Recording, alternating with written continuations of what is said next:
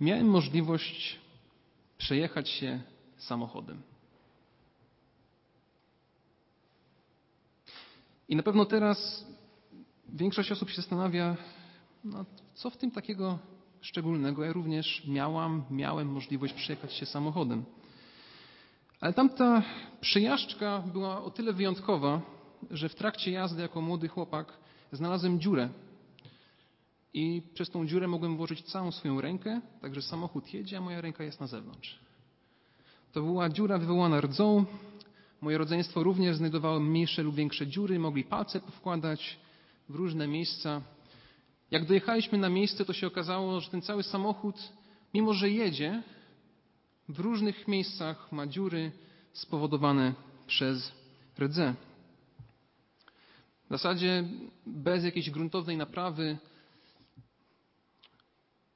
czegoś, co w jakiś sposób funkcjonuje, ten samochód stałby się jak niczemu niesłużąca kupa metalu. I opowiadam to wspomnienie z tego powodu, że w dzisiejszym kazaniu e, będziemy patrzeć na, nazwałem go rdzawy kościół. Kościół, który generalnie funkcjonuje w porządku, ale coś go wewnętrznie zjada. Jest to kościół w Pergamonie, jest to kolejny kościół, do którego Jezus skierował swoje słowo w objawieniu. Dlatego zachęcam, otwórzcie objawienie Jana, drugi rozdział i przeczytamy wersety od 12 do 17. To jest kolejne kazanie w tej serii, kiedy patrzymy na kolejne listy. Objawienie Jana, drugi rozdział od wersetu 12 do 17. A do anioła zboru w Pergamie napisz, to mówi ten, który ma ostry miecz obosieczny. Wiem, gdzie mieszkasz, tam, gdzie jest tron szatana, a jednak trzymasz się mocno mego imienia i nie zaparłeś się wiary we mnie, nawet w dniach, kiedy Antypas, świadek mój wierny, został zabity u was, gdzie szatan ma swoje mieszkanie. Lecz mam ci nieco za złe, mianowicie, że są tam tacy, którzy trzymają się nauki Balaama, który nauczał Balaka, jak uwodzić synów izraelskich, by spożywali rzeczy bałwanom ofiarowane i uprawiali nierząd. Taki ty masz u siebie takich, którzy również trzymają się nauki Nikolaitów. Upamiętaj się więc, a jeżeli nie, przyjdę do ciebie wkrótce i będę z nimi walczył mieczem ust moich. Kto ma uszy, niechaj słucha, co duch mówi do zborów. Zwycięzcy dam nieco z manny ukrytej i kamyk dam mu biały, a na kamyku tym wypisane nowe imię, którego nikt nie zna, jak tylko ten, który je otrzymuje. Panie Boże, teraz Cię tak prosimy, żebyś prowadził nas w rozważaniu swojego słowa, żebyś, Panie, przemienił nas na swój wzór i swoje podobieństwo. Tak Cię, Panie, o to prosimy w imieniu Jezusa Chrystusa. Amen. Ten list zaczyna się od wersetu 12 i w tym wersecie 12 Jezus się przedstawia w szczególny sposób. I tak jak już mówiłem przy innych listach, sposób, w jaki Jezus się przedstawia, czy też to, w jaki sposób on jest zobrazowany, ma ogromne znaczenie dla tonu listu, jaki Jezus przekazuje. Na przykład, pisząc do Smyrny, to było ostatnie kazanie, Jezus przedstawiał się jako ten, który był umarły, a ożył. Ten, który jest pierwszy i ostatni. To była ogromnie zachęcająca wizja dla zboru, który cierpił prześladowania. Ludzie umierali, ale Jezus mówi: Ja umarłem i żyję. Czyli w tym zmartwychwstaniu Chrystusa jest nadzieja dla Kościoła. Natomiast w tym liście, któremu się przyglądamy dzisiaj, Jezus przedstawia się zupełnie inaczej. Opisuje siebie jako ten, który ma ostry miecz obosieczny. I ten obraz ostrego miecza był w cesarstwie rzymskim chrześcijanom doskonale znany. Miecz był utożsamiany z władzą, był utożsamiany z sądem, był utożsamiany z tym, że władza ma, prawo sądzić. W liście do Rzymian czytamy, rządzący bowiem nie są postrachem dla tych, którzy pełnią dobre uczynki, lecz dla tych, którzy pełnią złe. Chcesz się nie bać władzy, czyń dobrze, a będziesz miał od niej pochwałę. Jest ona bowiem na służbie u Boga, tobie ku dobremu. Ale jeśli ty czynisz źle, bój się, bo nie na próżno miecz nosi.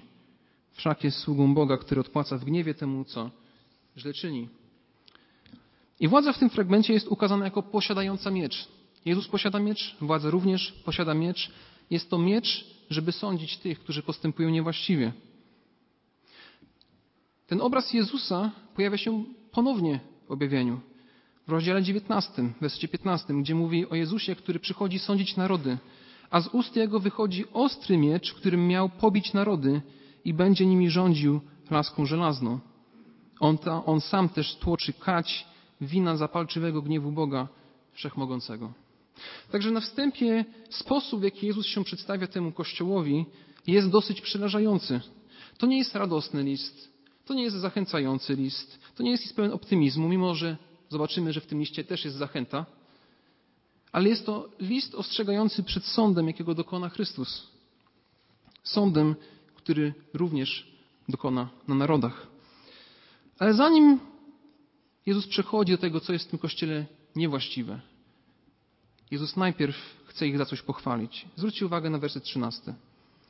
Wiem, gdzie mieszkasz, tam, gdzie jest tron szatana, a jednak trzymasz się mocno mojego imienia i nie zaparłeś się wiary we mnie. Nawet w dniach, kiedy Antypas, świadek mój wierny, został zabity u was, gdzie szatan ma swoje mieszkanie. Wiem, gdzie mieszkasz, tam, gdzie jest tron szatana, a jednak trzymasz się mocno mego imienia i nie zaparłeś się wiary we mnie. Jezus chwali ich za wierność. Pomimo mieszkania w mieście, gdzie znajduje się tron szatana, to oni się od Jezusa nie odwracają. I kiedy tu jest mowa o tronie szatana, to nie jest tak jak we współczesnym świecie powstają świątynie szatana. Na przykład sataniści budują swoje świątynie i tam oddają cześć szatanowi. Tutaj tron szatana w Pergamonie odnosi się do tego, że Pergamon był miastem z dużym kultem bałwochwalczym, gdzie istniały różne świątynie przeznaczone dla różnych bóstw. Istniał tam na przykład ogromny ołtarz Zeusa, który znajdował się na wzgórzu przy mieście, więc jak tam były składane ofiary, to widać było z miasta, że tam były składane ofiary. Był on tak duży, jak pół boiska piłkarskiego. Także jeżeli biegają piłkarze w trakcie meczu na jednej połowie boiska, to powierzchnia ołtarza była powierzchnią prawie tak dużą jak pół boiska piłkarskiego. Pergamon był również centrum kultu imperialnego, gdzie znajdował się posąg i świątynia poświęcone cesarzowi Augustowi, któremu również oddawano cześć, niekoniecznie ze względu, że się uznawało go za Boga, ale oddawanie czci i składanie cesarzowi hołdu wiązało się z pewnym przywiązaniem do cesarstwa rzymskiego. Więc kiedy chrześcijanie się temu sprzeciwiali i przestawali uczestniczyć w tych różnych bezbożnych zachowaniach tamtej kultury, bo uznawali, że chcą iść i być posłuszni Chrystusowi, bo to On umiera za nich na krzyżu, za ich grzechy. On się staje ich Panem, On się staje ich Zbawicielem i przestają uczestniczyć w tym, co kultura uznaje za dobre, za słuszne, to automatycznie powodowało, że społeczeństwo stawało się w ich stronę agresywnie nastawione. I niekoniecznie musiałyby to być prześladowania, ale na pewno była to nieprzychylność. Ale w obliczu tych ogromnych społecznych nacisków ten zbór się ostaje. I Jezus się do tego zboru przyznaje. Zwróć uwagę na to, jak Jezus mówi tego zboru. A jednak trzymasz się mocno mego imienia. Nie zaparłeś się wiary we mnie. Świadek mój wierny. Jezus bardzo osobiście mówi do tego zboru. To nie jest odstępczy z Kościół, to jest Kościół pełen ludzi, którzy kochają Jezusa Chrystusa. Kościół pełen ludzi, którzy chcą za Nim podążać, którzy zaufali, że On prawdziwie umarł za ich grzechy na krzyżu i są gotowi żyć tak, aby Mu się podobać. Nawet jeżeli będzie się to wiązało z kosztem. Ten koszt jest widoczny w drugiej części tego wiersza. Jezus mówi, wiem gdzie mieszkasz, tam gdzie jest tron szatana, a jednak trzymasz się mocno mego imienia i nie zaparłeś się wiary we mnie, nawet w dniach, kiedy Antypas, świadek mój wierny, został zabity u was, gdzie szatan ma swoje mieszkanie. Przedstawiony tutaj Antypas ten koszt poniósł. Nie wiemy, co się stało, nie wiemy, w jaki sposób umierał. E, są różne co do tego e, legendy, czy też tradycje kościelne. Ale koszt, jaki ponosi, wynika z tego, że on nie chce iść na kompromisy z tym światem, który go otacza. Ani on, ani cały ten kościół. I kiedy patrzymy na tą sytuację kościoła w Pergamonie, to jest ona niezwykle podobna do sytuacji Kościoła we współczesnym świecie. Kościół niekoniecznie znajdujący się pod prześladowaniami, ale Kościół znajdujący się w samym środku presji ze strony coraz bardziej świeckiego czy też laickiego społeczeństwa, co zresztą dzisiaj było podczas nabożeństwa już pokazane. Społeczeństwa, gdzie ludzka moralność zostaje skorumpowana, a droga do kompromisu jest naprawdę niewielka. Gdzie dobro nazywa się złem, a zło nazywa się dobrem. Kościół jako całość i indywidualnie chrześcijanie, czyli ty i ja, stoimy przed ogromnym wyzwaniem. Czy w naszym postępowaniu i w naszych przekonaniach będziemy wierni Bogu, czy też będziemy Go nimi zaprzeczać? I prawdę mówiąc, to nie jest nic nowego. Nie jest to nowy dylemat, ale wydaje się być nowy. Wydaje się być nowy, bo świat, który nas otacza, zmienia się niezwykle szybko. Jeszcze kilka lat temu takie stwierdzenia nie były uznawane za kontrowersyjne. Małżeństwo jest związkiem mężczyzny i kobiety. Albo nie wolno zabijać albo mordować ludzi narodzonych i nienarodzonych. Dzisiaj te prawdy, które wynikają jasno z Bożego Słowa, są uznawane albo za nietolerancyjne, za przepełnione nienawiścią. I Kościół ma za zadanie albo się temu ulec, zmienić swoje postrzeganie pewnych zasad, albo stać wiernie Bogu. Za wyznawanie takich kontrowersyjnych stwierdzeń można utracić dzisiaj znajomych, może popularność, może jakiś szacunek w społeczeństwie. No i pytanie jest to, czy jesteśmy gotowi też ponosić za to koszta. Tylko ponownie nie jest to nic nowego. Możliwość pójścia na kompromisy zawsze istniała, ale równocześnie przed nią znajdujemy przestrogę, chociażby w liście do Jakuba w czwartym rozdziale, wersji czwartym, gdzie jest napisane: Wiarołomni, czy nie wiecie, że przyjaźń ze światem to jest wrogość wobec Boga? Jeśli więc kto chce być przyjacielem świata, staje się nieprzyjacielem Boga. Czy nie wiecie, że przyjaźń ze światem to jest wrogość wobec Boga? Jeżeli więc kto chce być przyjacielem świata, staje się nieprzyjacielem Boga. Jest to przestroga, którą każdy chrześcijanin powinien wziąć do serca, każdy z nas powinien się nad tym poważnie zastanowić, bo to, co widzimy dzisiaj w społeczeństwie, to się będzie jeszcze bardziej natężało. I kiedy patrzymy na tą pierwszą część tego listu, to widzimy zbór, który jest wierny Bogu, nie idący na kompromisy. Znamy kontekst tego zboru, znamy sytuację, w jakiej się znajduje. I właśnie przez to, że znamy tą sytuację, kolejna część tego listu będzie niezwykle smutna. Zwróćcie uwagę na wersety od 14 do 16. To jest druga część tego listu. Lecz mam ci nieco za złe, mianowicie, że są tam tacy, którzy trzymają się nauki Balaama, który nauczył Ballaka, jak uwodzić synów izraelskich, by spożywali rzeczy bałwanom ofiarowane i uprawiali nierząd. Taki ty masz takich u siebie, którzy również trzymają się nauki Nikolaitów. Upamiętaj się więc, a jeżeli nie, przyjdę do ciebie wkrótce i będę z nimi walczył mieczem ust moich. Kto ma uszy, niechaj słucha, co duch mówi do zborów. Więc pomimo wierności tego zboru, pomimo jego przywiązania do Chrystusa, są w tym zborze ludzie, którzy sieją fałszywą naukę i zbór nic z tym nie robi. I tu nie chodzi o jakieś herezje w czystej postaci typu Jezus nie umarł na krzyżu albo Jezus nie zmartwychwstaje, tylko ta fałszywa nauka, która korumpuje wewnętrznie zbór, to jest zmiana wewnętrzna ludzkiej moralności. I widzimy to przy przywołaniu e, Ballaama chociażby którego historię możemy przeczytać w rozdziałach 23, 24 i 25 Księgi Liczb. Nie będziemy tej historii czytać. Zachęcam, żeby to uczynić w domu, żeby zobaczyć, do czego tutaj się e, apostoł Jan w tym liście też odnosi. I to odniesienie mówi o tym, że ostatecznie to Bileam, czy też Balaam, w zależności od tłumaczenia, był odpowiedzialny za to, że Izrael mimo Bożego zakazu mieszania się z innymi narodami zaczął wiązać się z pogańskimi plemionami, doprowadziło do tego, że Izrael oddał się bałwochwalstwu i również seksualnej niemoralności. Także przywołanie Bileama w przypadku tego listu jest nieprzypadkowe. To nie jest przypadek, że ludzie, którzy wprowadzają tę naukę do kościoła, są w ten sposób porównani, bo to, o czym tutaj jest mowa, pokazuje naturę tego, czego oni nauczają. Tak samo wskazanie na Nikolaitów, o których wprawdzie nie wiemy zbyt wiele, ale patrząc na inne listy, które się pojawiają w tej liście, e, to też raczej chodzi o jakiś rodzaj seksualnej niemoralności. I prawdopodobnie oni wzywali do tego, żeby się oddawać temu kultowi cesarskiemu, żeby się przyznać do cesarstwa rzymskiego, albo oddawania czci Zeusowi, bo przecież każdy tak robi. Każdy u nas w cesarstwie tak robi. Ty nie będziesz gorszy. Być może kult świątynny nie jest taki zły. Być może te orgie seksualne tam w tej świątyni nie są wcale aż takie złe. Niektórzy przecież przesadzają z tym posłuszeństwem. Jesteśmy przecież wolni w Chrystusie. Czy na pewno jest to przez Boga zakazane? Przecież w Biblii nic nie ma napisane na temat kultu imperialnego, nie ma mowy o cesarze. Jest mowa oddaj cesarzowi to cesarskie, prawda? Ale czy na pewno nie można dawać cesarzowi hołdu, czci? I takie chwyty, czy też takie hasła, które ostatecznie starają się przekonać ludzi do tego, co jest niedobre, doprowadzają do tego, że Kościół jest wewnętrznie niszczony.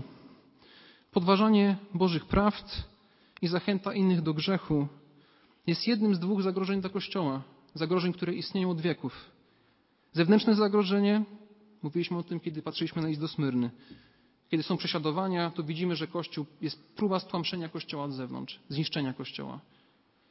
Natomiast wewnętrzne zagrożenie jest jeszcze groźniejsze, bo przychodzi pod przykrywką chrześcijaństwa i podważa to, co Bóg mówi w swoim słowie. Dlatego na początku kazania mówiłem o rdzy. O czymś, co zżera od środka. O czymś, co jeżeli się tego nie uporządkuje, się tego nie pozbędzie, to ostatecznie potrafi zniszczyć cały samochód, czy też inne rzeczy z metalu. I kiedy Leon Morris, komentator Księgi Objawienia, mówiąc o tym fragmencie, o tych ludziach, którzy się tutaj pojawiają, stwierdził tak, że ci nauczyciele są jak piąta kolumna niszcząca Kościół od wewnątrz. Jest to bardzo silne stwierdzenie, ale równocześnie pokazujące prawdę dotyczącą tego, w jaki sposób to się odnosi do Kościoła, w jaki sposób to wpływa na cały Kościół. I pytanie, które każdy z nas powinien sobie teraz zadawać, czy na pewno jest to aż takie złe? Czy przypadkiem to nie jest jakiś przesadyzm? Czy to przypadkiem nie jest jakaś nie wiem, nadgorliwość, żeby o czymś takim mówić? Dlaczego jest to aż takie złe? Dlaczego od wewnątrz zagrożenie jest bardziej niebezpieczne? I odpowiedź jest prosta, bo ostatecznie wpływa to na cały Kościół. Być może efektów się nie zobaczy od razu, jak w przypadku prześladowań, które są natychmiastowe, bądź też nie. Widzimy, jak to wpływa na Kościół. Ale nauczanie, które zachęca do grzechu, do zmiany moralności, z czasem doprowadza, jak rdza, do zniszczenia całkowitego Kościoła. I widzimy bardzo podobną myśl w pierwszym liście do Koryntian, w wersetach od 6 do 7, kiedy jest mowa o grzechu, który pojawia się w Kościele w Koryncie. To jest pierwszy list do Koryntian, piąty rozdział, werset od 6 do 7. Nie macie się czym chlubić, czy nie wiecie, że odrobina kwasu cały zaczyn zakwasza? Usuńcie stary kwas, abyście się stali nowym zaczynem, ponieważ jesteście przaśni, albowiem na naszą Wielkanoc jako baranek został ofiarowany Chrystus. To jest mowa dokładnie o tym samym, tylko jest użyty inny obraz. Tak jak kwas zaczyn za, zakwasza cały zaczyn, chleb jest zrobiony na zakwasie, to dokładnie tak samo ten grzech, na który jest przyzwolenie, czy też który jest zachęta do niego, wpływa na Kościół. I jakie jest rozwiązanie tego? Czy jest to taka straszna historia, którą teraz tutaj zakończymy takim smutnym, smutnym, taką smutną przypadłością? I nie. Rozwiązanie jest też całkiem proste, się okazuje, i to znajduje się w kontekście tego fragmentu z listu do Koryntian. Jest to przeprowadzanie dyscypliny kościelnej. I zdaję sobie sprawę, że to nie jest wygodny temat. Dyscyplina kościelna często kojarzy się z polowaniem na czarownicę, gdzie staramy się kogoś osądzić, a przecież nie powinno się osądzać. Jednak kiedy spojrzymy na kontekst tych dwóch wersetów, to zobaczymy, że zawsze celem dyscypliny kościelnej jest ratunek ludzkiej duszy. Oddajcie takiego szatanowi na zatracenie ciała, aby duch był zbawiony. Jest to dawanie możliwości komuś, żeby upamiętał się albo odwrócił się od swojego grzechu, swojego grzesznego toku myślenia i takie jest zamierzenie. To nigdy nie chodzi o to, żeby kogoś wywalić z kościoła. Tak nigdy jest takie zamierzenie. Ale to powiedziawszy, to jest, nigdy nie jest nic przyjemnego. To nigdy nie jest coś radosnego. Jeżeli ktoś po przejściu całego procesu dyscyplinarnego, chociażby danego przez Jezusa w Ewangelii Mateusza 18 rozdziale, po wielokrotnych napomnieniach dalej się nie odwraca od swojego grzesznego postępowania, to Kościół musi go wykluczyć, bo jeżeli jedna część ciała boleje, to całe ciało boleje. Mówiliśmy o tym, że Kościół jest ciałem, jesteśmy członkami. Jeżeli jeden członek boleje, to Kościół cały boleje. I to, co powiem teraz, jest niezwykle ważne. I to jest niezwykle ważne, żeby nie nadużywać tych słów w jakiś niewłaściwy sposób, ale Kościół nigdy nie cieszy się z tego, że kogoś musi usunąć. To nie jest radość. Jest to coś niezwykle smutnego, jest to coś niezwykle przykrego, jest to wręcz coś tragicznego, ale równocześnie jest to coś koniecznego dla dobra całego Kościoła. I Kościół ma do tego prawo. Mówienie, że Kościół nie ma tego prawa robić, bo przecież jest napisane nie sądźcie, abyście nie byli sądzeni. Po pierwsze jest wyrwaniem tego wersetu z kontekstu, a po drugie mija się z szerszym kontekstem fragmentu, jaki właśnie czytaliśmy, gdzie jest napisane w wersetach 12 i 13, czy to nie wasza rzecz sądzić raczej tych, którzy są w zborze. To jest werset 12, a werset 13, usuńcie tego, który jest zły spośród siebie. Czy to nie wasza rzecz sądzić tych, którzy są w zborze? I jeżeli Kościół sam się nie uporządkuje, to kiedy patrzymy na ten list, to widzimy, że Jezus zapowiada, że On przyjdzie i uporządkuje. Taki jest ton tego listu i taka jest też Jego zapowiedź. W objawieniu w drugim rozdziale, w wersji 16 Jezus mówi, upamiętaj się więc, a jeżeli nie, przyjdę do Ciebie wkrótce i będę z nimi walczył mieczem ust moich. Zbór ma się upamiętać, ma się uporządkować, bo Chrystus jak sędzia przyjdzie i osądzi zbór. Co jest dosyć przerażającą myślą, kiedy myślimy, że ten sąd, którym Jezus ma osądzić, jest tym samym sądem, jakim będzie sądzić naród. Nie wiemy, w jaki sposób to wygląda, ale jest to, myślę, przerażające. Ale żeby nie kończyć na takiej smutnej tonie, to widzimy, że Jezus również daje zachętę. Na końcu tego listu jest wezwanie w wersecie 17, to jest trzecia część tego listu. Kto ma uszy, do słucha, kto ma uszy niechaj słucha, co Duch mówi do zborów. Zwycięzcy dam nieco z manny ukrytej i kamyk dam mu biały. A na kamyku tym nowe imię, którego nikt nie zna, jak tylko ten, który je otrzymuje. Tak jak Bóg dawał życie Izraelowi na pustyni poprzez karmienie go manną, tak pierwsza część obietnicy dla wierzącego dotyczy życia wiecznego. Człowiek, który jest Bogu wierny, który ufa, że Jezus zapłacił za jego grzechy na krzyżu i zmartwychwstał, zostaje obdarowany przez Boga życiem wiecznym. To słowo ukryte może się odnosić do manny, która się znajdowała w skrzyni przymierza i że w jakiś sposób ta manna będzie nam potem przekazywana. Natomiast biały kamyk może się odnosić do kilku rzeczy, ale każda z tych rzeczy można ją odnieść do, do chrześcijan. W pobliżu Pergamonu był biały kruszec, który był wydobywany, była kopalnia białego kamienia. I on służył różnym celom. Po pierwsze, jeżeli ktoś w sprawie sądowej okazał się niewinny, otrzymywał biały kamyk. Tak samo na podstawie skończonej ofiary Chrystusa chrześcijanie zostają zwolnieni z winy swojego grzechu. I mogą pokazać, jestem niewinny z mojego grzechu. Jeżeli ktoś został wykupiony z niewoli, dostawał biały kamyk jako znak swojego obywatelstwa. Chrześcijanie zostali wykupieni z niewoli grzechu do nowego życia w Jezusie Chrystusie. Biały kamyk dawano zwycięzcom wyścigów. Chrześcijanie, kończąc bieg swojego życia, również oczekują nagrody w niebie. Biały kamyk dawano również zwycięskim wojownikom po bitwie. A przecież w pierwszym liście Jana 5.5 jest, jest napisane, któż może zwyciężyć świat, jeżeli nie ten, który wierzy, że Jezus jest Synem Bożym. Każdy z nas dzisiaj może sięgać do tych obietnic. Każdy wierzący może sięgać do tych obietnic i chwytać się ich jako swoich własnych. Każde z tych przykładów było jasne dla chrześcijan i była zachęcającą obietnicą tego, co nadejdzie. Pytanie, czy my się takich obietnic też chwytamy, kiedy wydaje się być trudno, kiedy wydaje się, że Kościół musi przejść jakieś turbulencje wewnętrzne, przemiany, czym również się chwytamy tego, że jednak wierność Bóg błogosławi że Bóg nagradza tych, którzy są mu wierni, zarówno w słowie, jak i w czynie. I kiedy mówimy o wierności, to to już jest kończąc, widzimy, że są różne rodzaje.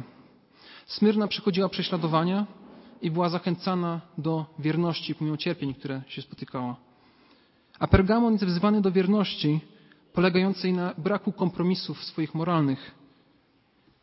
I wydaje się, że to, co robi Pergamon, jest łatwiejsze że czasami się mówi, że ja chciałbym być wierny Bogu wtedy, kiedy będą prześladowania. To wtedy będę Bogu wierny, będę iść za Bogiem całym swoim sercem. Ale czasami jest trudno być wiernym Bogu wtedy, kiedy te utrudnienia, które spotykają nas w naszym codziennym życiu, wydają się być naprawdę niewielkie. Żeby powiedzieć, ja ufam Bożemu Słowu w pewnych momentach. I widzimy, że Bóg błogosławi tą wierność. On daje obietnicę swoim wiernym ludziom, tym, którzy nie patrząc na koszta są gotowi za nim iść. I jeszcze taką moją nadzieją na tego zboru jest to, żeby niech nas Bóg uchroni przed tym, żebyśmy musieli kogokolwiek wykluczać. To jest coś, co mam nadzieję, żeby Bóg nas uchronił przed tym, żebyśmy musieli kogokolwiek wykluczać. Niech Bóg nas przed tym ochroni. Ale równocześnie niech da Kościołowi odwagę wtedy, kiedy będzie to konieczne. Równocześnie niech da Kościołowi odwagę wtedy, kiedy to będzie konieczne dla dobra całego Kościoła. Zachęcam, pochylmy nasze głowy i się pomodlę. Powstajmy.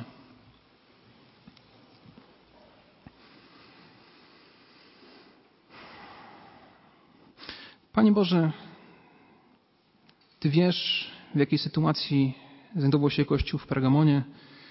Panie, Ty również wiesz, w jakiej sytuacji obecnie się chrześcijanie znajdują. Panie, Ty wiesz, w jakiej sytuacji my się znajdujemy. Panie, dodaj nam siły i odwagi do tego, żeby być Tobie wiernym. Nie tylko wtedy, kiedy będzie naprawdę źle, ale wtedy też, kiedy wydaje się, że jest dobrze. I że ta wierność nie jest aż taką, takim dużym wyzwaniem. Panie, daj nam wierności w naszych przekonaniach, w naszym postępowaniu. Panie, i chroni nas przed tym, żebyśmy musieli kogokolwiek wykluczać. Ale Panie Boże, również dodaj nam odwagę wtedy, kiedy to będzie konieczne. Tobie niech będzie chwała i cześć w imieniu Jezusa Chrystusa. Amen.